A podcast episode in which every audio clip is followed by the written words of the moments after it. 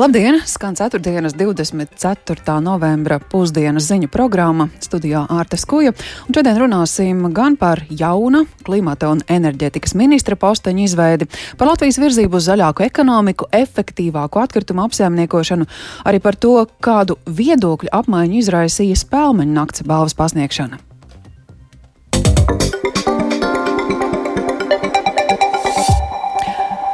Bet vispirms pievērsīsimies Ukrainai, atgādinot, ka vakar Eiropas parlaments balsojumā Strasbūrā pasludināja Krieviju par terorismu atbalstošu valsti, bet Krievija tikām īstenoja kārtējo masveidīgo raķešu triecienu pa Ukrainas kritiskās infrastruktūras objektiem, un vakar vienbrīd elektrības nebija 11 valsts apgabalos, tāpat bija traucēta ūdens piegāde.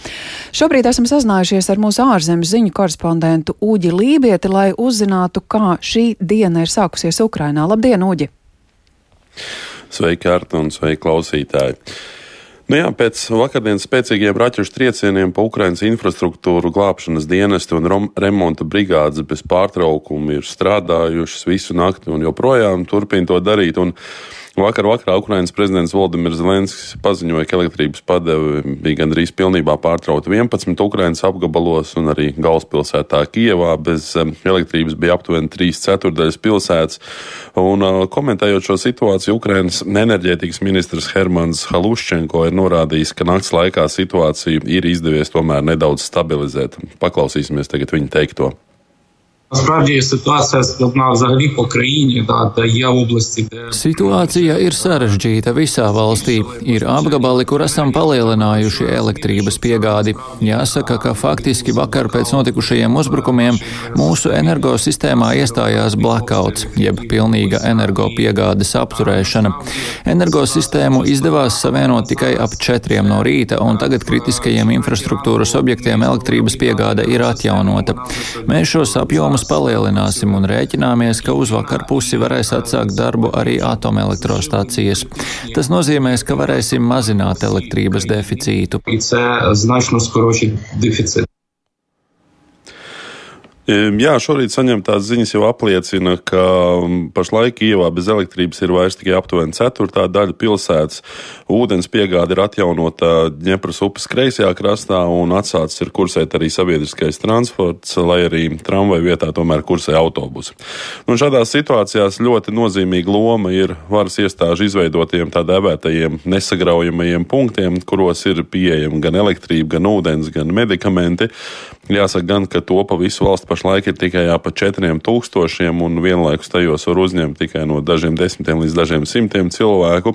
Un šorīt arī Ukrainas policija ir paziņojusi, ka, ja cilvēkiem ir tāda nepieciešamība, arī viņi, viņi var saskatīties arī policijas iecirkņos. Un šeit vien jāpiebilst, ka Eiropas parlaments un Eiropas pilsētu asociācija ir uzsākuši īpašu iniciatīvu, aicinot lielā apjomā savākt Ukrainai nepieciešamos dīzeļu ģeneratorus. Un šāda akcija sauksies Cerību ģeneratori jeb Generators of Hope. Jā, nu skaidrs. Ziema tuvojas, protams, un vietējie varas pārstāvi vairāk kārt ir sacījuši, ka šī būs iespējams grūtākā ziema kopš otrā pasaules kara arī Kīvā. Vai tas tiek uztverts kā tāds netieši vai varbūt pat tieši mudinājums Ukraiņiem doties bēgļu gaitās, cik daudz to šobrīd izmanto?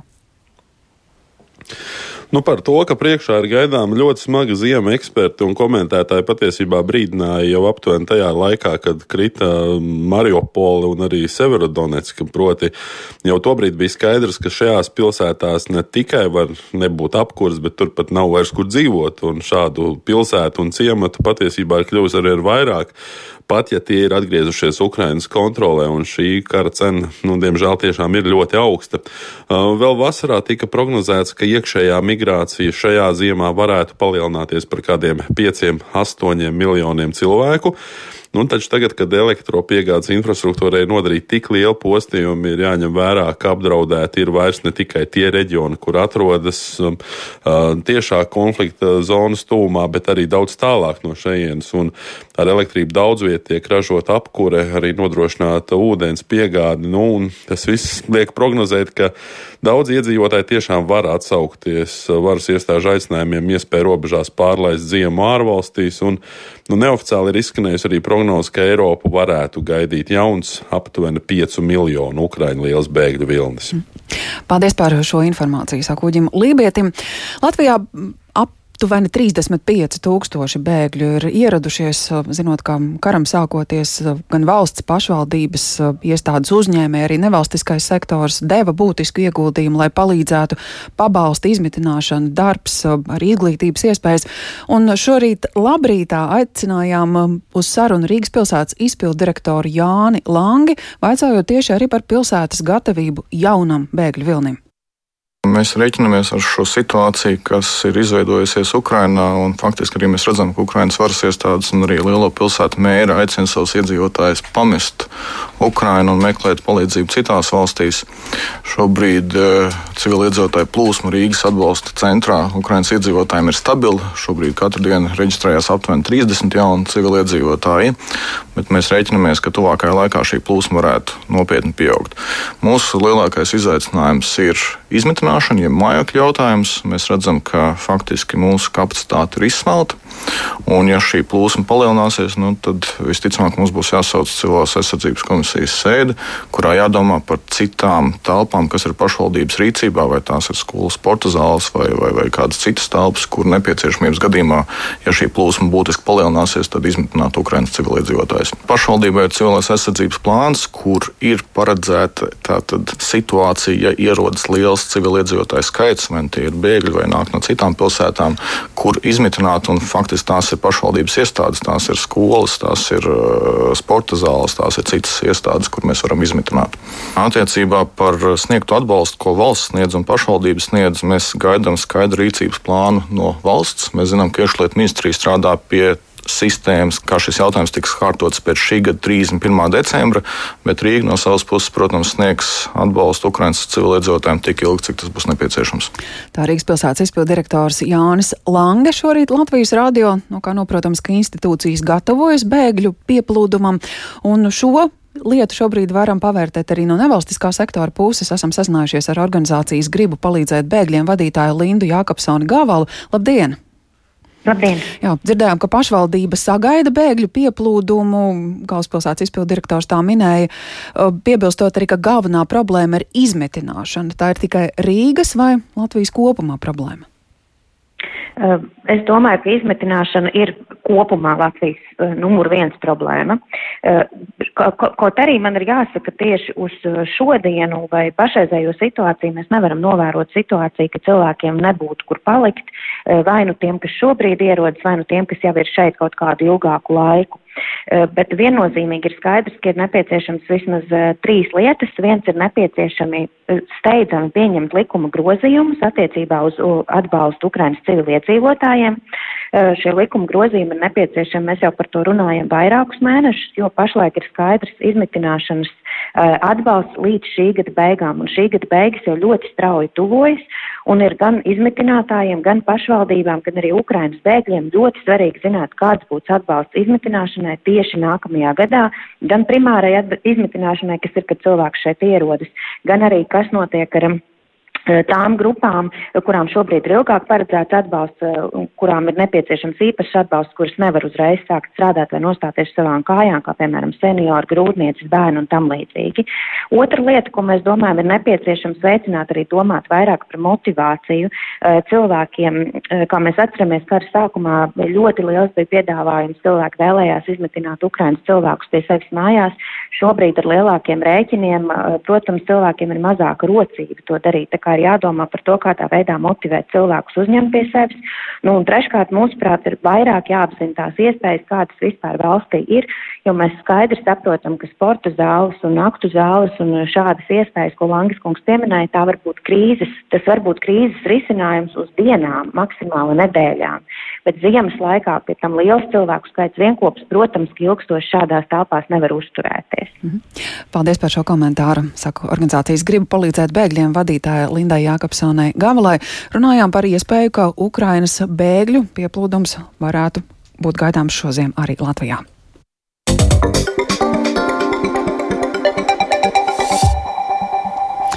Bet nu par saimas deputātu šī rīta darba cēlienu, kur deputāti izskatīšanai juridiskajā komisijā nodeva grozījumus ministru kabineta iekārtas likumā un valsts pārvaldes iekārtas likumā, un tie paredz veidot jaunu enerģētikas un klimata ministra amatu, īstenot topošās koalīcijas ieceri par ministru biedru amatu ieviešanu. Nu, studijā ir Jānis Kīncis, un uh, viens no iemesliem ir saistīts ar to, ka tā lemšana nemaz tik gludi negāja. Juridiskajai komisijai to tālākai virzībai balsu nepietika.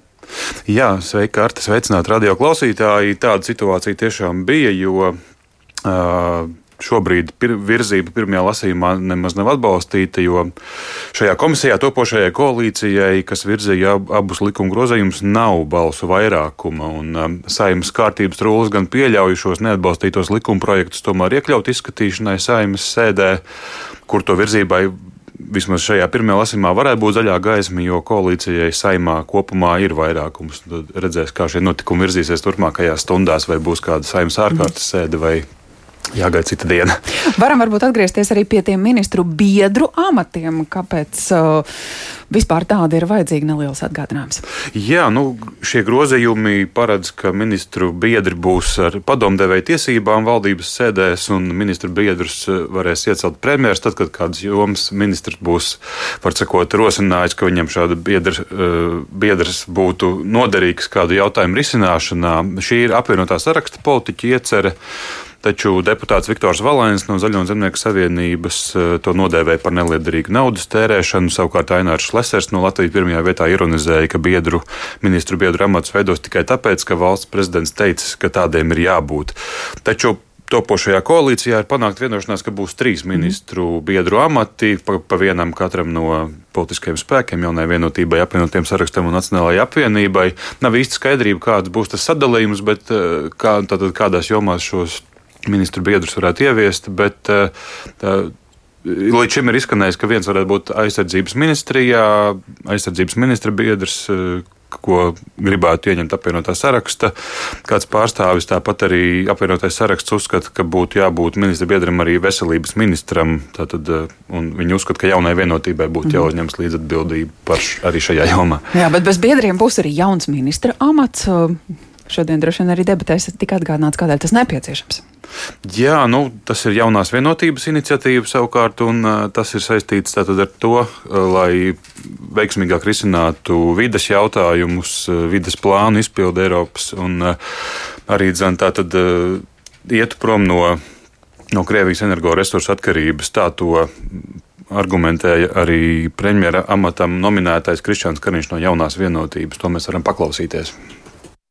Un neskatoties uz to, ka varbūt politiķi, abi ministri, gribētu meklēt, kā sadarboties, mēs esam redzējuši faktiski četru gadu garumā, ka nespēja vienoties, lai līdz galam izstrādātu pilnīgi saprotamu plānu, kas visai sabiedrībai ir saprotams un izpildāms. Mans ierosinājums un man kolēģi ierosinājums ir nevis pieņemt jaunus štatus, bet apvienot vienā vadībā vienā politiskā atbildīgā personā, ministrā, kurš atbildētu par klimatu un enerģētikas jautājumiem, kuram būtu jāspiež no šiem diviem, varētu teikt, departamentiem, kuri ļoti pretrunīgi uzskata šīs lietas, nonākt pie viena kopsaucēja. Jā, un pret šo ieceri gan izskanēja arī iebildumi. Saimnes valsts pārvaldes un pašvaldības komisijas vadītāja deputāta Daiga Mieriņa no Zaļo zemnieku savienības uzskata, ka valstī būtu jārisina daudz citas prioritātes. Paklausīsimies arī viņas teikto. Šai ministrijai būs vajadzīgi atkal budžeta līdzekļi. Jā, no vienas puses mēs sakām, ka tie štati būs tikai departamenti, kas pāries uz jauno ministriju. Bet mēs, kolēģi, zinām, ka administratīvais resurs, ministra birojas, visi juristi, lietveži, tas viss prasīs līdzekļus.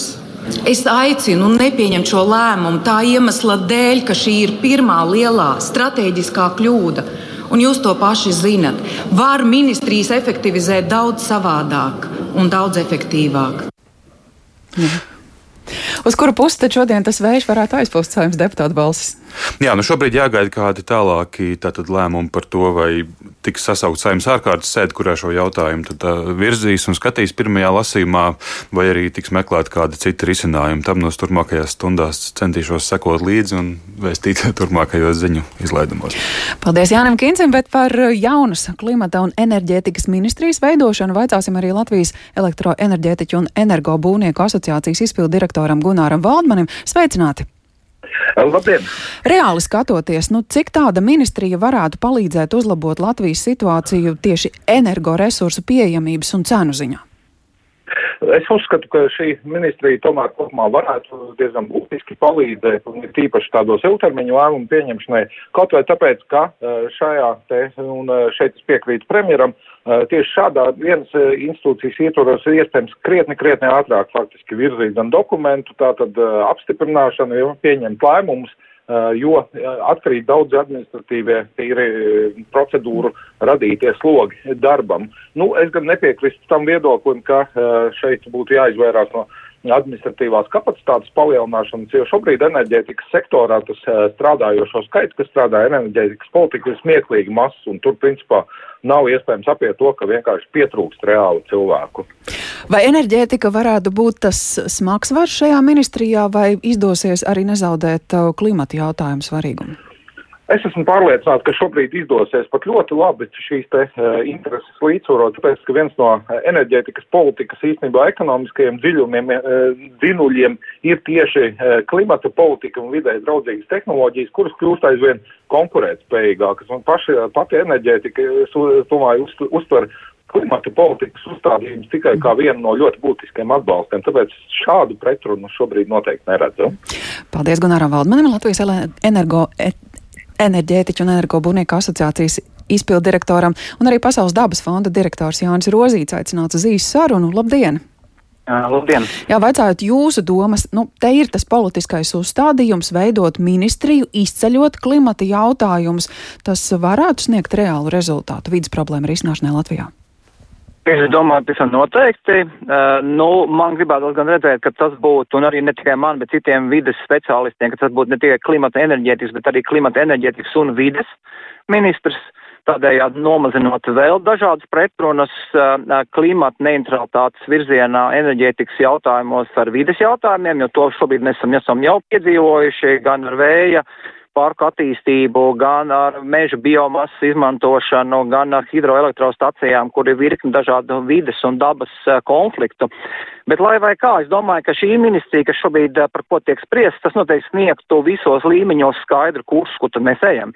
Jo šobrīd mēs runājam par Eiropas Savienības un globāliem procesiem, bet patiesībā stāvam uz vietas vai pat neretējam pretēju virzienu. Un šeit ir milzīgs uh, startautisks finansējums starptautiskam finansējumam līdz ejoši nosacījumi, tiesiskais regulējums, kur slēpjas nākotnes tieši tā Latvijas ekonomiskā konkurētspēja un arī sociālā drošība. Un, manuprāt, nu, būtu ļoti tūredzīgi teikt, ka šis jautājums nav prioritārs, ja mēs skatāmies, nu, es pat teiktu, nevajag mm -hmm. 3 vai 50 gadu griezumā, mēs skatāmies 10 gadu griezumā.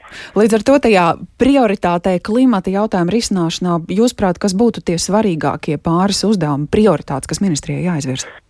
Uh, es teiktu tā, ka nu, es noteikti, ka mums šodienas sarunas formāts neļauj pārspēt 10 vai 20 uzdevumus, bet, ja mēs skatāmies pa lielajām prioritātēm, es esam noteikti teikšu, ka jāaktualizē un jāizstrādā un tālāk jāuzrauga politikas plānošanas dokumenti, tiesiskie regulējumi, kas uh, uzlūko siltumnīca efektu gāzu mazināšanas mēģi sasniegšanu un tāpat arī pielāgošanās pasākums uh, uh, klimata pārmaiņu norisēm.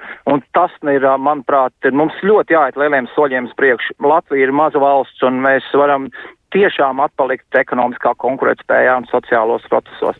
Paldies par šo komentāru Pasaules dabas fonda direktoram Jānim Rozītim, un par vidi un klimatu arī turpināsim. Mūsu nākamais temats ir saistīts ar igadējo Latvijas zaļā punkta konferenci Latvija valsts bez atkritumiem, un mēs esam sazinājušies ar kolēģi Lindu Zalāni, kur arī seko līdzi šai konferencei. Labdien!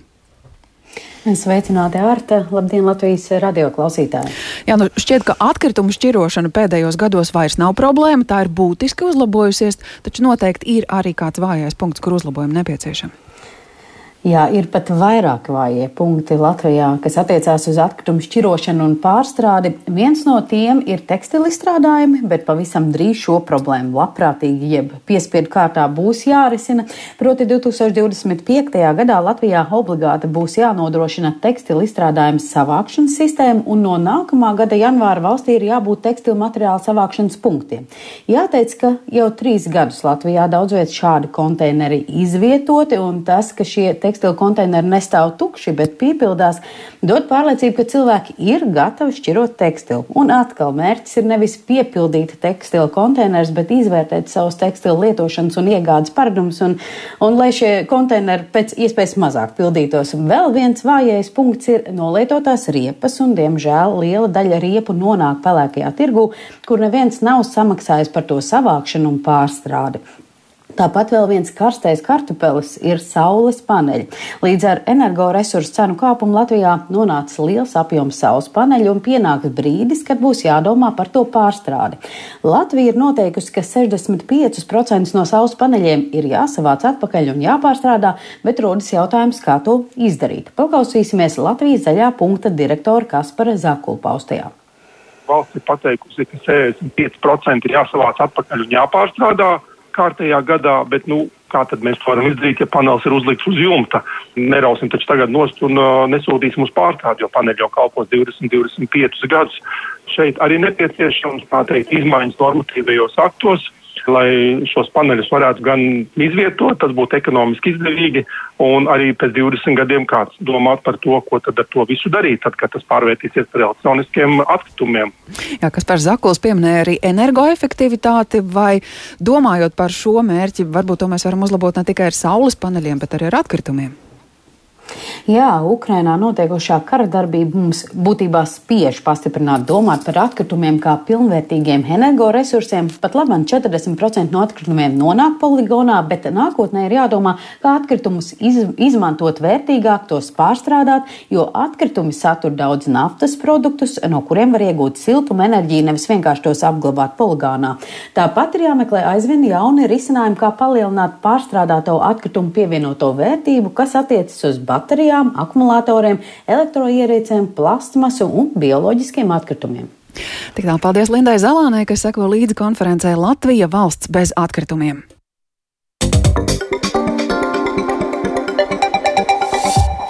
Un vēl mazliet pakavēsimies vakardienas spēlmaņu nakts balvu ceremonijā, kuru uzvars Lauras Plūts Dailes teātri iestudējums Rotko, saņemot balvas četrās kategorijās. Kā gada aktieris tika godalgots Kaspars Zvīgulis, bet kā gada aktrise Čulpana Hamātova, un balvas piešķiršana Krievu aktrisē izraisīja plašu ažiotāžu sociālajos tīklos, plašāk stāsta Baiba Kušķa. Spēlmaņu nakts ceremonija pēc covid ierobežojumiem varēja noritēt atkal absolūti pilnvērtīgi, taču tumšāku tonalitāti tai piešķīra Ukrainas kara fons, kas nevienreiz vien tika pieminēts no skatuves. Award, like of... Poļu režisors Lukas Tvarkovskis, kurš saņēma gada režisora balvu par izrādi Rotko Dailes teātrī, uzsvēra, ka viņš neslēpj prieku par balvu, bet tajā pašā laikā viņš vēlas atgādināt, atgādināt, ka mēs nedrīkstam pierast pie tā, ka šobrīd Ukrainā ir karš, jo Ukraiņi cīnās par visu mūsu nākotni un brīvībai ir jāuzvar. Kad tapa izrāda Rotko karš tieši sākās un vienu brīdi šķita pat neiespējami darbu turpināt, bet tad nāca atskārsme, ka tematiski izrāda trāpa īsti mērķī, atzīst aktieris Arturs Krastīņš. Jo pasaule, kas tiek digitalizēta un cilvēki vairs neraud, lasot ziņas par karu vai skatoties uz rotko gleznām, mēs tādā veidā arī pienesam savu pienesumu tam, lai kaut kā palīdzētu cilvēkam saprast un norientēties. Kā orientieris un spēka avots skatītājiem var būt arī Mārtiņa Eihes Valmieras teātrī iestudētā izrāde kalendārs mani sauc, kas saņēma balvu kā gada mazās formas izrāde. Šī te, teiktu, diezgan sūdīgajā laikā, kurā mēs dzīvojam, es domāju, ka tas ir vismaz mirklis, kur cilvēki var atnākt uz teātri un ieraudzīt cerību tam, ka mūsos ir arī kaut kas cilvēcīgs. Balvu kā gada aktieris saņēma Kaspars Zvīgulis, bet kā gada aktrise Čulpana Hamatova. Es esmu ļoti pateicīga Latvijai, ka es varu šeit dzīvot un strādāt savā profesijā. Man tas ir ļoti svarīgi. Liels, liels paldies! Čulpanas Hamatovas iecelšana laureātas godā izraisījusi plašu ažiotāžu sociālajos tīklos, kur cilvēku izteikumos tiek uzsvērta viņas agrākā saistība ar agresoru valsts līderi. Atbildi parādā nav palicis jaunā Rīgas teātra vadītājs Alvis Hermanis. Pēc viņa rakstītajiem vārdiem visus sašutumu izteicējus vieno kopīgas divas lietas. Viņi nav iedziļinājušies faktos un aktrises biogrāfijā un nav redzējuši izrādi postskriptumu. Baiba Kušķe, Latvijas radio. Ar to arī skan programma Pusdiena, ko producēja Kārlis Dāgelis studijā Artas Goja.